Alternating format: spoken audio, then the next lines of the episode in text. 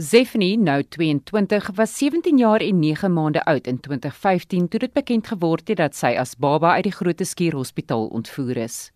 Die storie het 'n media sirkus veroorsaak, maar omdat Zefni toe nog nie 18 jaar oud was nie, kon haar ware identiteit nie bekend gemaak word nie.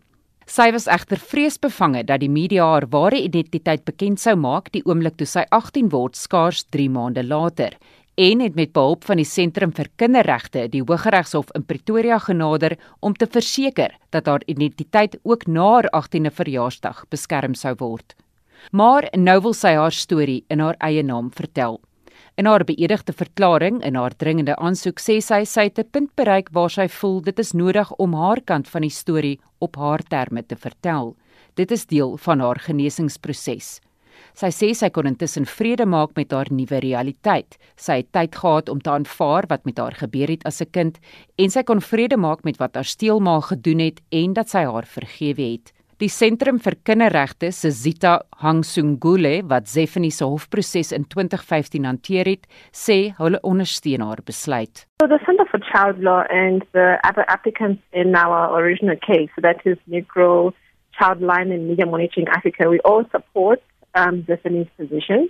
Zephanie has stated before that she made a conscious and informed decision to reveal her identity and she feels ready to share that aspect of her life on her own terms. We support her in that respect. Nadat die hof in 2015 gelas het Zephanie se identiteit moet beskerm word, het die Sentrum vir Kinderregte, Media Monitoring Africa, Childline en Nikro egter voortgegaan om die hof te vra dat die grondwet gewysig moet word sodat die identiteite van alle kinderslagoffers, getuies en oortreders beskerm moet word en dat die beskerming ook moet geld na hul 18de verjaarsdag.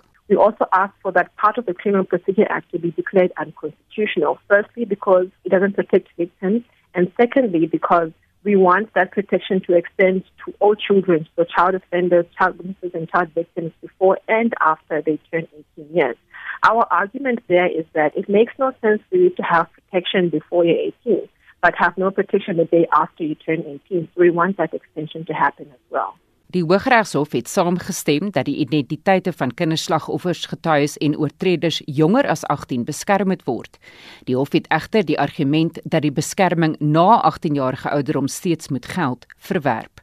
So ook het die Appelhof. Hulle het daarna appel aangeteken in die konstitusionele hof. The Constitutional Court heard the case in May 2019 and we're still waiting for judgment in that regard.